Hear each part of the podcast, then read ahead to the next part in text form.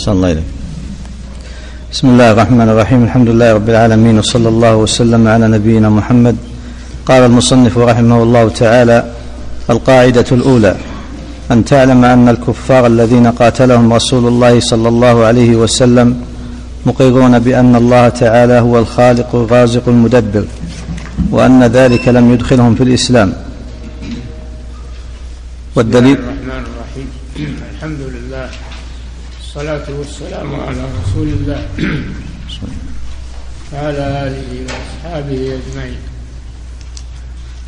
لما بين الشيخ رحمه الله في الكلام السابق خطر الشرك وأنه يحبط الأعمال كلها وأنه يخلد صاحبه في النار ويحرمه من الجنة. وصار هذا ذنبا عظيما هو أعظم الذنوب وأخطرها. عرفت ذلك فلا بد أن تعرف ما هو الشرك لأجل أن تتجنبه. لأن الذي لا يعرف الشيء يقع فيه. إذا لم تعرف الشرك وقعت فيه وأنت ما تدري.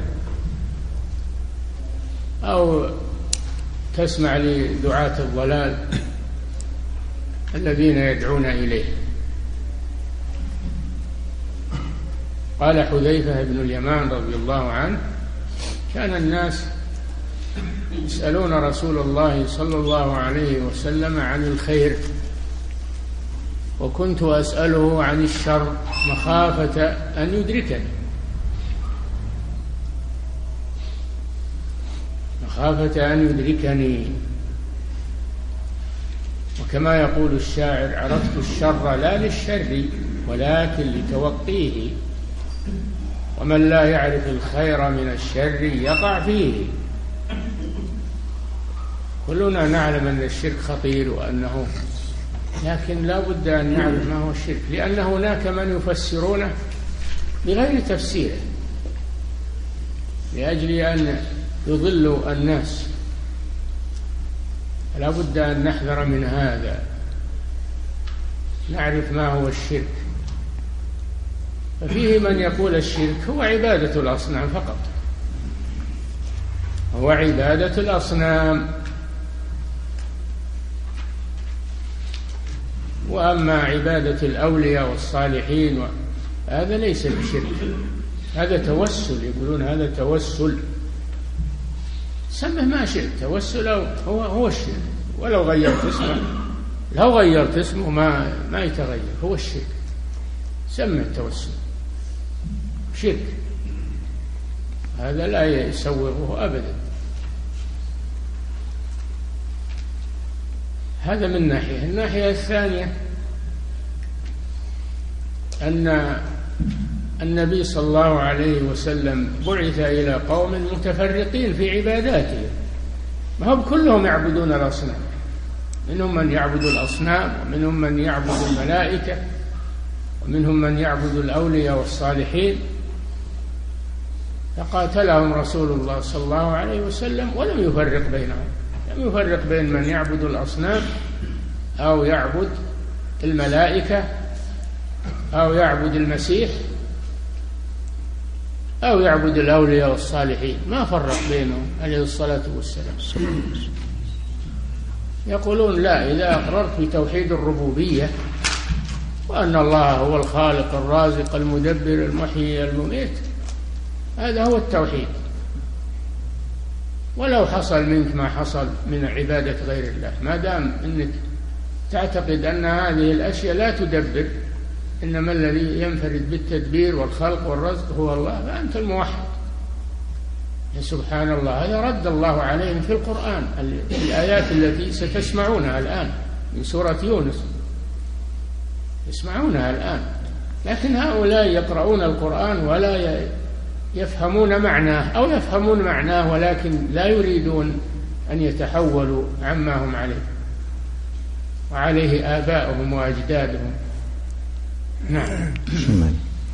القاعدة الأولى أن تعلم أن الكفار الذين قاتلهم رسول الله صلى الله عليه وسلم مقرون بأن الله تعالى هو الخالق الرازق المدبر. يعني يقرون بتوحيد الربوبية. علماء الكلام قاطبة وعقائد الأشاعرة والمتكلمين كلها محصورة في توحيد الربوبية. ولا يشيرون إلى توحيد الألوهية أبدا. كل عقائدهم على هذا. إذا أقررت بتوحيد الربوبية فأنت موحد. ويقيمون عليها الأدلة الكلامية والبراهين العقلية على توحيد الربوبية. هذا ما يحتاج. هذا ما يحتاج. هذا الفطر. الفطر مقرة به. ما أنكره إلا شواذ من العالم. وأنكروه عن أنكروه عن علم. ولكنهم يريدون رياسة يريدون يريدون مالا يريدون هذا مقصودهم مثل فرعون مثل غيره. نعم. وأن ذلك لم يدخلهم في الإسلام. إذا نعم. أن تعلم. صلى الله عليه. أن تعلم أن الكفار الذين قاتلهم رسول الله صلى الله عليه وسلم مقرون بأن الله تعالى هو الخالق الرازق توحيد الربوبية أن الله هو الخالق إلى آخره. يقرون بتوحيد الربوبية. ستأتيكم الآيات والآيات كثيرة في القرآن تبين أنهم مقرون بتوحيد الربوبية وإنما أشركوا في توحيد الألوهية. نعم. مقرون بأن الله تعالى هو الخالق الرازق المدبر وأن ذلك لم يدخلهم في الإسلام. ولم يدخلهم هذا الإقرار بتوحيد الربوبية؟ لم يدخلهم في الإسلام بدليل أن الرسول صلى الله عليه وسلم قاتلهم جميعا. ولم يفرق بين من يعبد الأصنام ومن يعبد الأولياء والصالحين والملائكة وعزير والمسيح وغير ذلك. نعم. والدليل قوله تعالى قل من يرزقكم من السماء والأرض أمن يملك السمع والأبصار ومن يخرج الحي من الميت ويخرج الميت من الحي ومن يدبر الأمر فسيقولون الله. فقل سيقولون الله. اعترفوا أن هذا لا أن هذا هو الخاص بالله عز وجل وأن هذه الأمور لا يقدر عليها إلا الله ولا يقدر عليها أحد. يعترفون بنص هذه الآية؟ سيقولون الله الله الذي يفعل هذا ويملك هذا لا يملكه غيره. نعم. فسيقولون الله فقل أفلا تتقون؟ أفلا تتقون الشرك بالله عز وجل؟ وأنتم تعرفون أنه هو الخالق الرازق المحيي المميت المدبر؟ نعم. القاعدة الثانية أنهم يقولون ما دعونا. هذه الآية كما في قوله تعالى أيضا ويعبدون من دون الله ما لا يضرهم ولا ينفعهم. هم يعترفون أنه ما يضرهم ولا ينفعهم. إذا ليش يعبدونهم؟ ما لا يضرهم ولا ينفعهم. ويقولون هؤلاء شفعاؤنا عند الله. يعبدونهم لأجل أن يشفعوا لهم عند الله هذا هو التوسل اللي يقولون الآن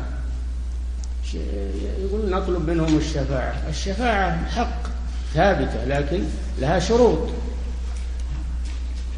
أولا لا تكون إلا بإذن الله هل هل الله أذن لكم بهذا؟ ما أذن لكم بهذا.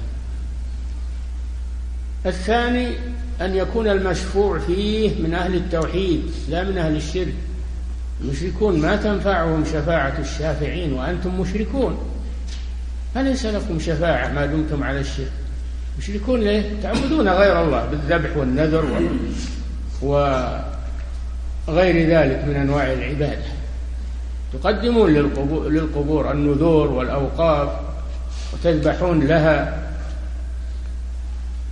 فكيف ترجون أن هذا يقربكم إلى الله تقولون هؤلاء شفعاؤنا عند الله. أنتم مشركون. ما تنفعكم الشفاعة. لو يشفع بكم جبريل عليه السلام ما نفعكم. فكيف بهؤلاء الأموات؟ نعم.